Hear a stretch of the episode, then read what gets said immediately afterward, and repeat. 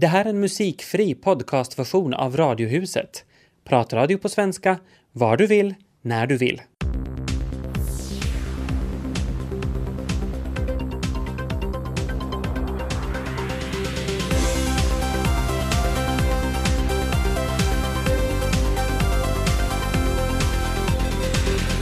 Här är Radiohuset med Tobias Larsson och Ami Lassila. Välkommen in från Kölden. Hur går det att kombinera studier med idrottande på hög nivå? Vi har Mattias Lindström som gäst i studion. Och ska vi slänga pennan och inte alls lära oss skriva för hand i framtiden? Det ska vi fundera på. Radiohuset fram till fem. Välkomna med!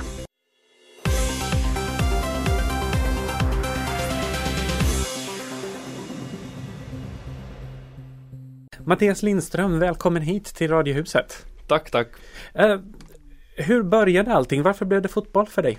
Nå, det var nog, min pappa var fotbollsgalen och, och jag följde efter där i, i hans fotspår på matcher och sen, sen så, det blev naturligt så jag fortsatte att spela fotboll och tyckte om det.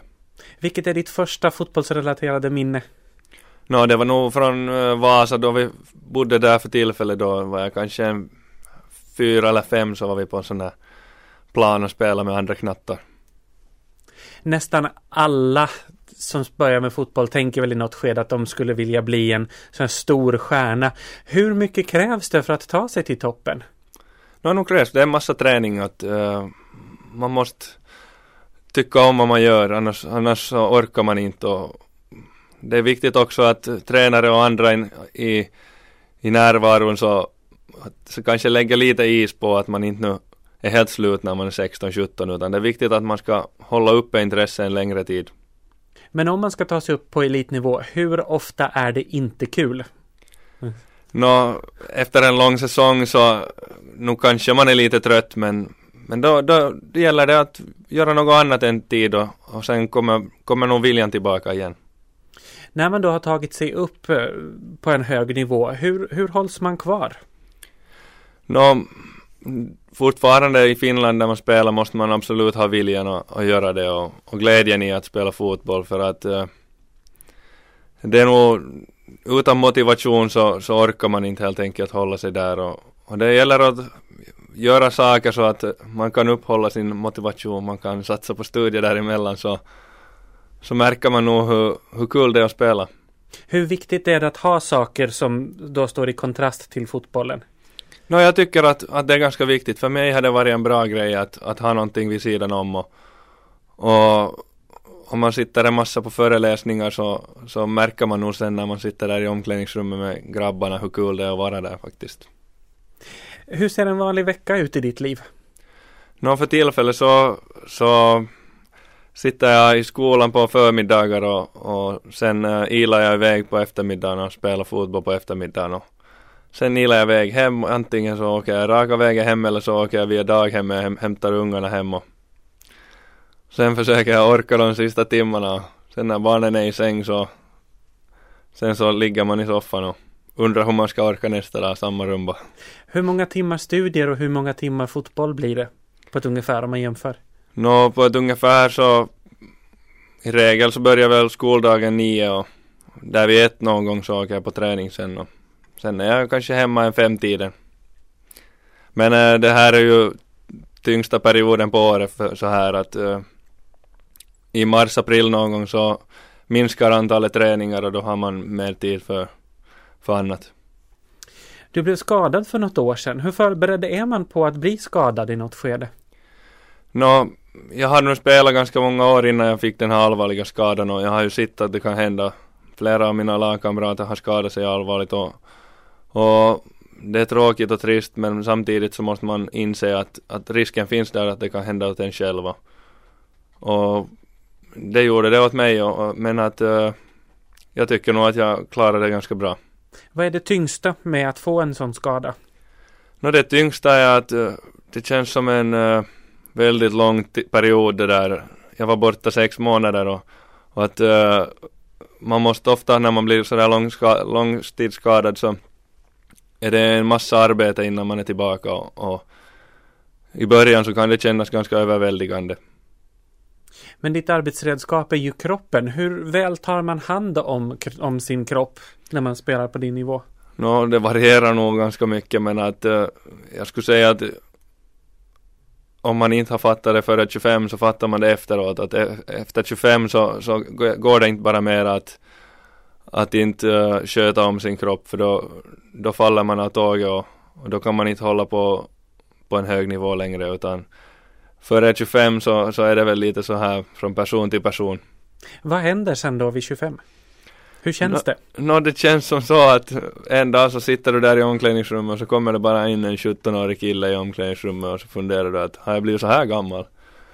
Men eh, så där var det som sen det kroppsligt så, så om du inte sköter om din kropp så nu börjar det komma liksom skador och, och extra kilon och, och sånt.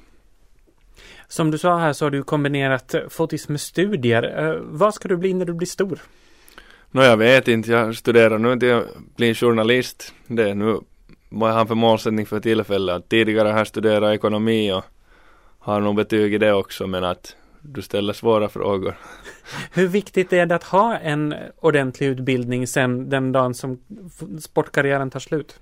Nå, det är absolut viktigt att någonting måste man ju göra och, och för tillfället i Finland så blir man inte så rik på att spela fotboll att man skulle leva länge efter att man slutar utan nu gäller det att, att fundera redan under de sista åren man spelar att vad, vad, vill, vad vill jag börja med sen när det här allt tar slut. Hur går diskussionen spelare emellan och med lag och sånt? Hur, hur, hur ser man på karriärens slut och hur viktigt det är att förbereda sig för den?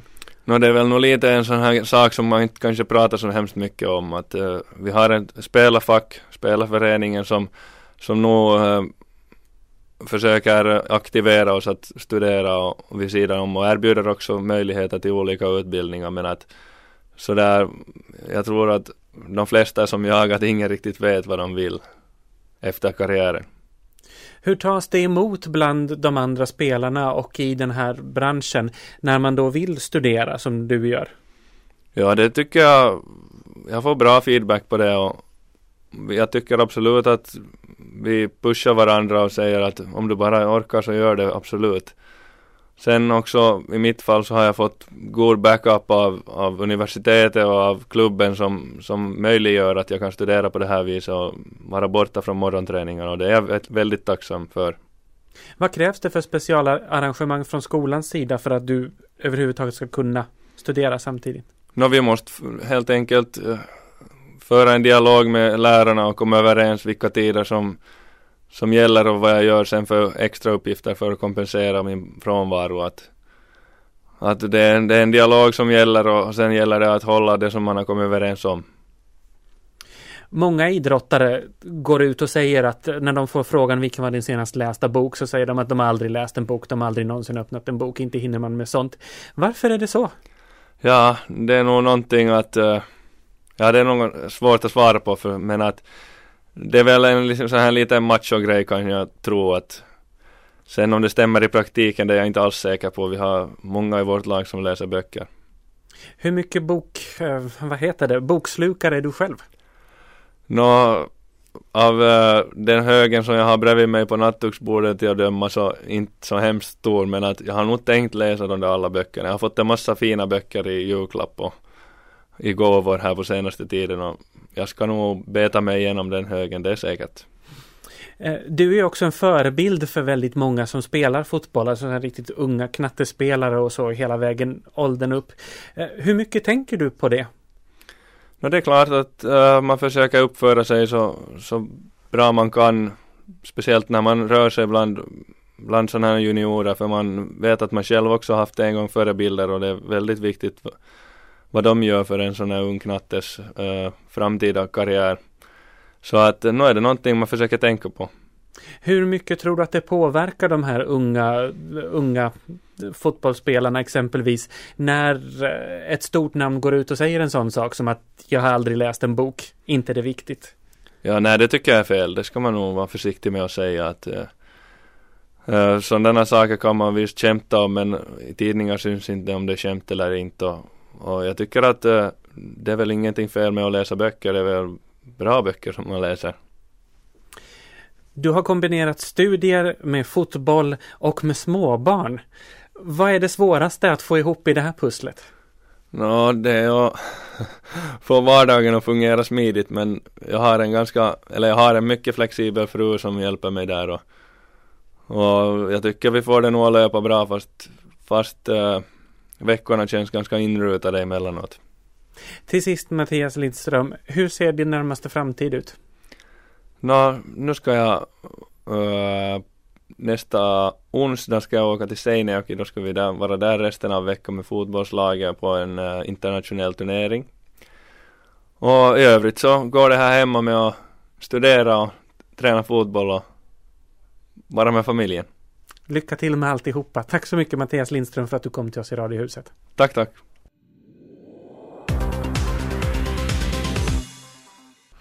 I Sverige reagerar utbildningsministern idag väldigt häftigt på att vissa skolor slopar papper och penna i undervisningen och går in för bara läsplattor. Vad sägs om det? Oh, jag blir så trött på sånt här modernt bjafs och bjäfs och trams motorik är fortsatt viktigt också i framtiden och man lär sig jättemycket motorik just på att öva sig att skriva. Mm. Och där är du helt inne på samma linje som den här ministern för han säger att man måste lära sig läsa och skriva för hand i skolan. Man kan ju inte utgå från att man alltid har tillgång till en dator funderar bara på alla de här strömavbrotten och, mm -hmm. och, och vad, vad, händer sen när den går sönder och ska på service för någon vecka eller sådär. Mm. Ja. Mm. No, det här är i alla fall nu ett, det som han reagerar på, ett projekt i tre skolor i Sollentuna där alla barnen har fått en läsplatta. Och lärarna i förskolan och första klass har slängt penna och papper i skräpkorgen. Och nu ska man skriva sig till läsning som den här pedagog pedagogiken heter. Mm.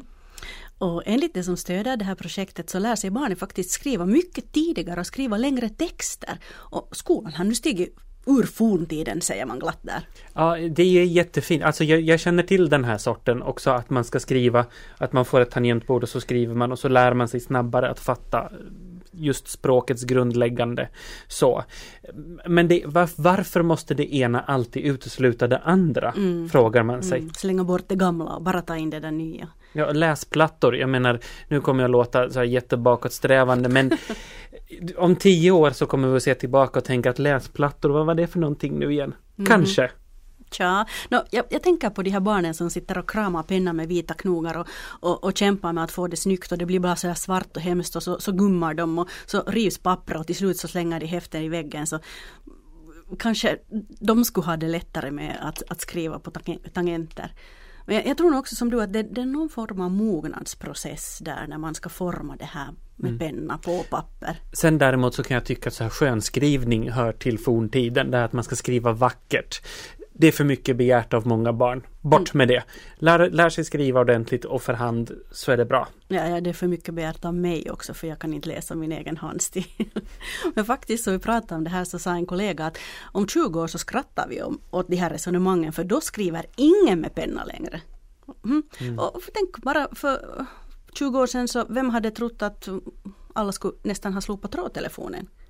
Ja, vem skulle trott för hundra år sedan att man har en liten låda i hörnet av köket där det kommer röster? ja, jag kan nog ändå inte låta bli att tycka att en framtid där folk inte kan hantera en penna, den ter sig ganska underlig. I höstas uppdagades en skandal av stora mått i Tyskland då det visade sig att en högerextrem grupp med nazistanknytningar under flera års tid utfört minst åtta mord på invandrare och möjligen också stod bakom mordet på en kvinnlig polis. Den här gruppen hade finansierat sin verksamhet med diverse bankrån och andra aktiviteter och av allt att döma begått självmord efter ett misslyckat rån. Mm, jag kommer ihåg den mm. nyheten igen. Den stora skandalen låg då i att polisen under alla dessa år misslyckats med att etablera ett samband mellan alla de här dåden. Utan allt som oftast lite sådär halvt fördomsfullt förklarat händelserna med, du vet, uppgörelser i undre världen och det vet man ju hurdana utlänningar är. Liksom utgå, för de var affärsidkare alla, de som blivit mördade. Och då hade man liksom tänkt att ja men invandrare och mm, säkert så kopplingar till liksom olaglig verksamhet utan att det låg, förelåg några bevis för det. Man vill ju inte tro att, att sådana här saker ska påverka men Mm. Mm. Opinionsundersökningar som tv-bolaget ARD låtit utföra efter avslöjandet visar att drygt två av tre tyskar vill förbjuda högerextrema grupper och partier i lag för att bringa ordning i leden. Och det är klart att Tyskland har en helt annan sits i de här frågorna än många andra länder, jag menar med historien i mm. åtanke. Mm. Nationalsocialismen har ju redan slagit sönder hela statsapparaten en gång, hela infrastrukturen och den fortsätter att kasta en obehaglig skugga även över dagens Tyskland. Mm, det gör det, visst. Det är hemskt vanligt att det dyker upp i diskussioner om, om Tyskland också när det inte alls är relevant. Klart att man då ogärna ser samma idéer växa och frodas en gång till. Men sen undrar jag hur klokt det är hela det här med att förbjuda ideologier. Jag menar demokratin bygger ju väldigt långt på debatt, utbyte av idéer och då är det farligt att den för tillfället styrande falangen får bestämma vilka andra tankar som är acceptabla och inte. Mm, jag tror nu överlag att det är ganska farligt att förbjuda människor att ha vissa åsikter. också om man själv inte är av samma åsikt så kan man åtminstone ta fram dem. För att om man trycker ner dem så, så de pyr där och blir kanske starkare än om man skulle ta fram dem diskutera dem och lite dissekrera dem och så här visa vad det går ut på. Jag läste nyligen en jätteintressant biografi över Ulrike Meinhof av, av alla människor mm. och förundrades över hur snabbt man blev stämplad i 60-talets Västtyskland. Då var det inte högerextrema som var det allvarliga utan vänsterextrema. Det räckte med att, uh, som Ulrike Meinhof då uttalat vara emot kärnkraft, skriva ledarartiklar i en vänstertidskrift med ett par tusen läsare för att man skulle få sin telefon avlyssnad och att polisen snabbt skulle intressera sig för ens varanden och göranden och vem man umgicks med och så. Och alla vet ju vad Ulrike Meinhof gjorde. Hon startade sin röda arméfraktion, gick under jorden och begick terrordåd. Och det tycker jag då alltså inte att man ska. Nej. Det är inte min poäng. Nej. Eh, men jag tror att risken är att folk i åsiktsskalans utkanter eh, Jag tror att risken för att de ska göra det ökar dramatiskt om man förbjuder det de tror på. Att eventuellt funkar det lite, lite bättre om vi pratar med varann istället.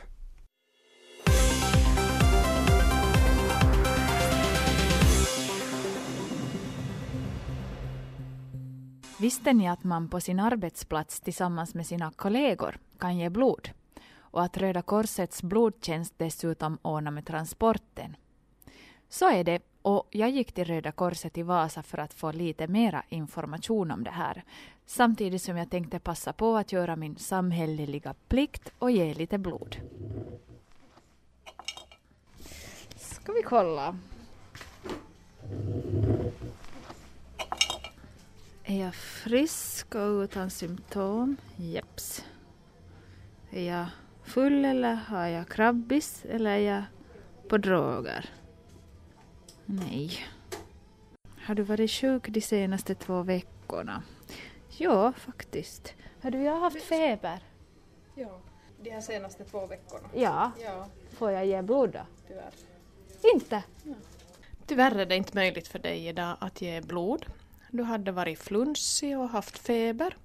Och då måste man vänta ett par veckor tills de här symptomen har gått över och att man är frisk. Det var ju lite snöpligt. Det är sjukskötare och blodtjänsteman Åsa Boström som kollar igenom mina papper och berättar om varför de på blodtjänsten vänt sig till just arbetsplatserna.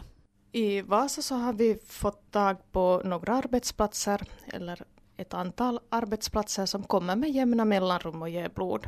Och för oss så tycker vi att det är ett bra sätt att få nya blodgivare. Man får en gemenskap på arbetsplatsen också genom att komma hit och ge blod. Och ofta får vi då en bra kontaktperson på den arbetsplatsen som då samordnar det här att de kommer hit och ger blod. Sker det här då på arbetstid eller? Eh, Flera arbetsplatser har, har gjort så att de får komma på arbetstid och ge blod, vilket då är bra för oss. Mm. Hur, alltså, är det här nu bara i Vasa eller är det i hela Finland? Det finns på många ställen runt om i Finland att det är arbetsplatser kommer och ger blod till, till blodgivningsbyråerna. Om man då blir ivrig och, och vill gå till sin arbetsgivare och säga det där ska vi göra, hur ska man gå tillväga då?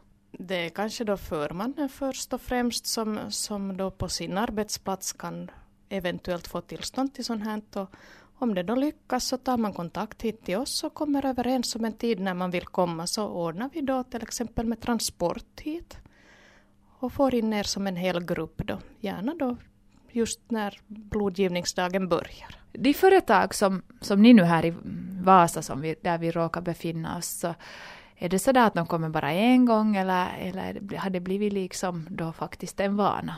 Vi har flera företag här i Vasa som kommer då par, tre gånger i år. Det finns företag som har hållit på i många, många år. Och sen finns det företag som just har börjat. Och alla är ju lika hjärtligt välkomna hit till oss. Blodgivargruppens storlek så kan vara mellan 4 till 20 personer. Det är en person som sen fungerar som kontaktperson till blodtjänsten och som anmäler på förhand om att gruppen är på kommande.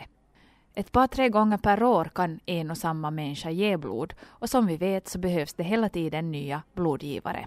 Uh, I dagsläget så ser det relativt bra ut i de flesta blodgrupper. Mm. Men idag när man tittar, går in på vår webbsida www.blodtjänst.fi så ser man där att O minus till exempel är helt vitt. Mm. Och det betyder då att vi har stor brist på just O minus. B minus tittade jag också idag morgon att det bara finns en liten bottenskrapa där. Nå, här skulle du ha fått en B minus. Tyvärr, frisk måste man ändå vara för att ge blod. Att man kan bra gå in där och titta att, att hur läget ser ut i landet. Att relativt bra men ett par blodgrupper är det brist på för tillfället. Hur skulle man kunna få mera folk att donera då? Om jag hade svaret så skulle vi ju inte ha den här situationen. Vad betyder det då för er att ni har liksom att, att ni vet att det finns företag som är på kommande? För oss så hjälper det till, till att planera vår dag. Att om vi vet att en grupp kommer direkt när vi öppnar så kan vi planera dagen lite efter det. För i och med att det är frivilligt så vet man ju då inte att hur dagen ser ut när man öppnar dörren. Att har vi många människor idag eller är det få? I Vasa har vi också börjat med att man kan eh, beställa tid via nätet. Så det hjälper också oss att se, se lite över att hur många kunder vi har den dagen. Kan man någon gång se sådana här toppar när det är extra mycket folk som, som ger blod? Stora helger när vi, när vi finns i massmedia mycket så gör det också att blodgivarna börjar röra på sig. Till exempel kring jul, påsk, midsommar är sådana helger när, när blodgivarna vet att nu behövs det mera blod. Och då har vi mycket folk på gång här. Och så en kort påminnelse om vem som kan ge blod. Ja, man ska ju då vara myndig och man får då ge blod ända till den dag man fyller 66. Så måste man också ha en vikt på minst 50 kilo. Och flickor måste ha ett hemoglobinvärde på minst 125 medan pojkar ska ha minst 135. Det här behöver man inte veta på förhand. Det kontrollerar vi här för en blodgivningen. Det som är viktigt att ta med när man kommer hit så är ju då ett identitetsbevis, att vi får er inregistrerade hit till blodgivningen. Och för att vara på den säkra sidan kan man alltid göra blodtjänstens egna test på deras hemsida, www.blodtjänst.fi, för att kolla om man får ge blod. Det var Åsa Bolström som ni hörde i inslaget och jag heter Anki Westergård.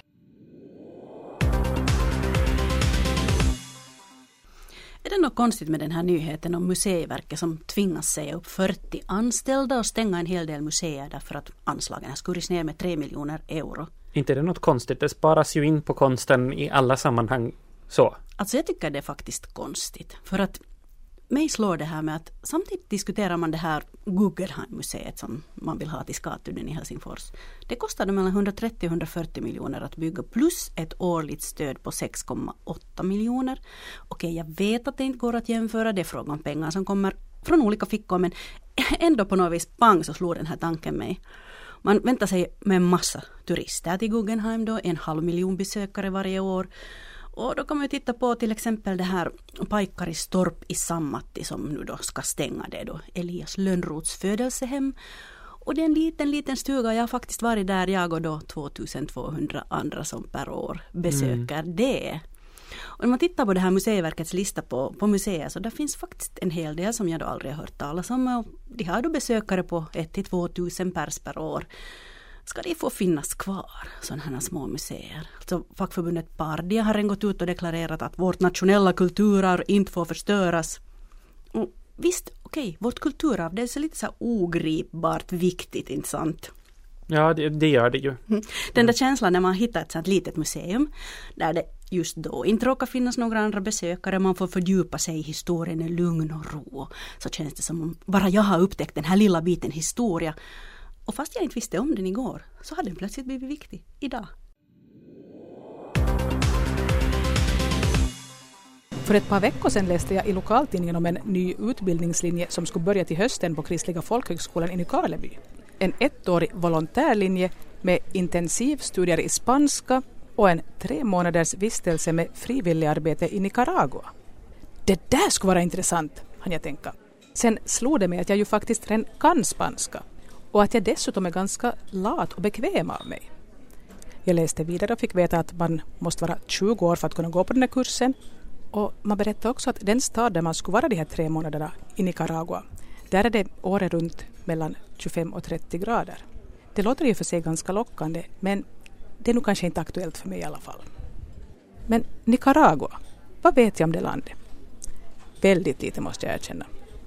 När jag studerade i Helsingfors i mitten av 80-talet och bodde i en studentlya på Rautalampivägen i Vallgård åkte jag varje dag förbi ett ställe på Backasgatan där det på en husvägg med stora bokstäver stod Rauha Nicaragualle, alltså med G på båda ställena. Och jag flinade åt att någon tydligen var väldigt mån om att det skulle bli fred i ett land som de inte ens kunde stava rätt. Det var på den tiden när jag själv inte kunde så värst mycket finska och inte visste att G och K-ljuden låter väldigt lika för många finskspråkiga. Så där satt jag, svensk österbottningen, och trodde att jag var smart bara för att jag hade gått på ett par spanska kurser på Uni. För av någon anledning hade jag ända sedan jag var liten velat lära mig spanska. Jag var 20 år när jag första gången besökte Kanarieöarna. Och om någon skulle ha sagt då, just innan jag skulle fara, att jag åtta år senare skulle bosätta mig där, så skulle jag bara ha skrattat. Vem skulle vilja bo där? Där finns ju bara turister. Trodde jag att jag visste. Att jag alls for dit den gången berodde på att min far ringde och frågade om jag hade lust att hänga med en vecka till Plaid för han det kommit över ett par billiga sista minuten-resor. Det var ungefär den här tiden på året och kallt och trist i Helsingfors och studierna gick trögt. Så klart jag ville åka, fast det var en sån där charterresa. Men när nu papp bjöd så. När jag sen steg ur planet på Gran Canaria och värman bara slog emot mig så var jag precis lika entusiastisk som alla andra första gångs solsemestrare. Tänk, det var minus 15 när vi klev på planet och bara sex timmar senare möts vi av sol och ljumma vindar. Fast egentligen så ville jag ju inte som 20-åring se mig som en charterresenär. Jag var en interrailare och jag trodde att jag nog egentligen var en sån där äventyrslysten person som i något skede skulle åka ut i världen och jobba som volontär i något u-land. Jag kände folk som hade gjort det och jag beundrade dem och skulle ha velat vara likadan. Men klart jag njöt av den där veckan på Gran Canaria och där fanns faktiskt annat än turister. Och jag hann besöka både små byar uppe i bergen och det som jag då tyckte var en stor ful stad, Las Palmas. När jag sen i november 1987 slog mig ner just i Las Palmas för att stanna i sex månader, som jag trodde, så tyckte jag inte längre att stan var så farligt ful. Jag hade då bestämt mig för att jobba i Spanien en tid för att lära mig spanska flytande.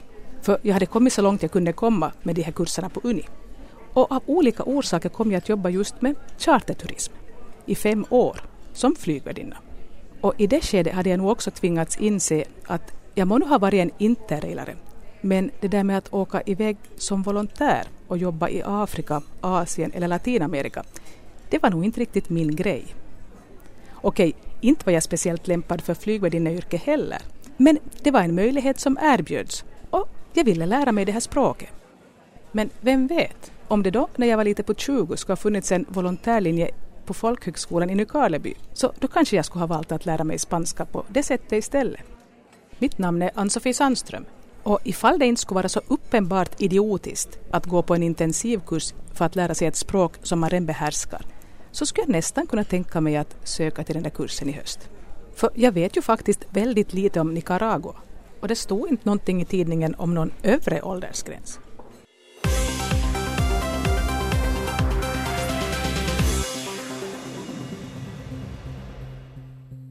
Hemma hos oss så är det inte kanske så mycket det där med att sätta på pipon som är ett problem. Jag har ju också två pojkar då med kort hår så det där med frisyren är kanske inte så viktigt.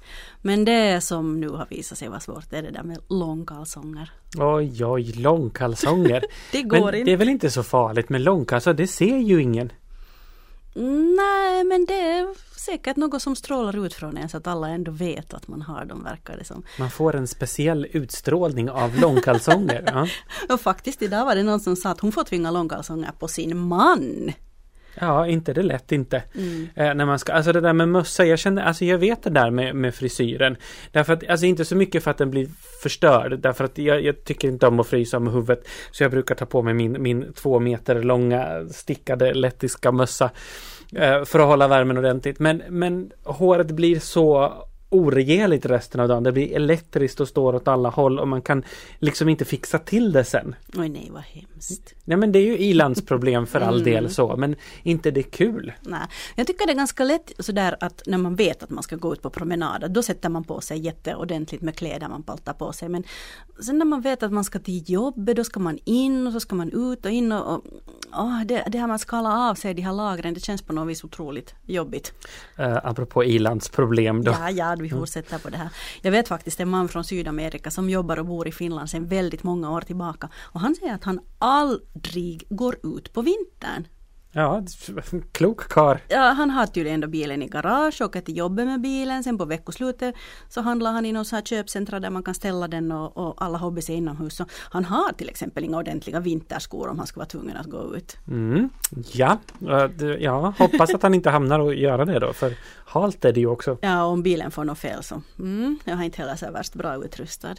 Men det här med kyla, det är någonting som man märker att alla börjar prata om det och så finns det en massa så här urbana legender. Jag kommer ihåg från skoltiden, man fick alltid höra om det här flickorna som strumpbyxorna hade frusit fast i benen och måste klippas loss och så var det en annan som helt säkert hade förfrusit hjärnan för att den hade gått utan pipo då i minus 30 grader. Uh, alltså där jag kommer ifrån fanns det inte så mycket sådana. Däremot hade jag en eh, filosofilärare på gymnasiet som alltid berättade om det olyckliga sambandet mellan kort kort kjolmode och feta lår. Eh, han använder just uttrycket feta lår för han menar att när det blir riktigt kallt så samlar kroppen på sig extra fett just där den fryser. Så har man inte, om det är kort kort kjol och så är de där låren alldeles frilagda Nej. så får man i förlängningen feta lår. Och det här står helt för min filosofilärare. Jag tar inget ansvar för det här alls. Jag, Jag bara tror det där var helt hans egen teori. Jag håller helt inte alls med om något sånt där. Men alltså, hur farligt är det då att inte klä sig ordentligt? Det får vi veta imorgon. Ja, eh, närmast nu på kanalen Aktuellt 17. Vi hörs igen imorgon. Tills dess, klä varmt på er. Vi hörs!